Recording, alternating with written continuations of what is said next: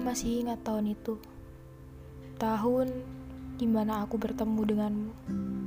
Tahun di mana aku mulai mengenalmu.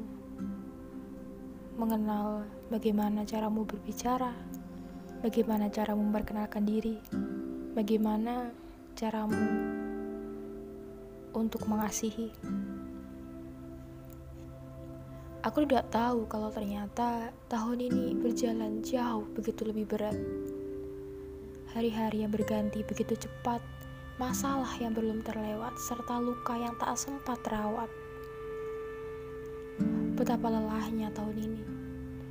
Sudah setahun kita saling mengurung diri, menjaga jarak dari saling mengasihi. Aku kira aku orang paling menyedihkan Ternyata syukurku saja yang kurang. Aku kira aku orang paling penuh lara. Ternyata hanya perasaanku saja. Betapa handal kita dalam berekspektasi, dalam berandai-andai atas susahnya diri sendiri. Padahal kita masih mampu, kita masih kuat. Hanya saja ekspektasi kita membuat semua terasa sangat berat.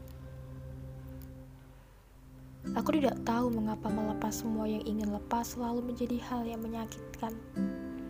Padahal aku sudah sering menahan sakit, sudah sering menahan duka. Tapi entah mengapa semua tentangmu masih begitu sulit ku lupa. Apakah iya? Rasa belum sepenuhnya sirna.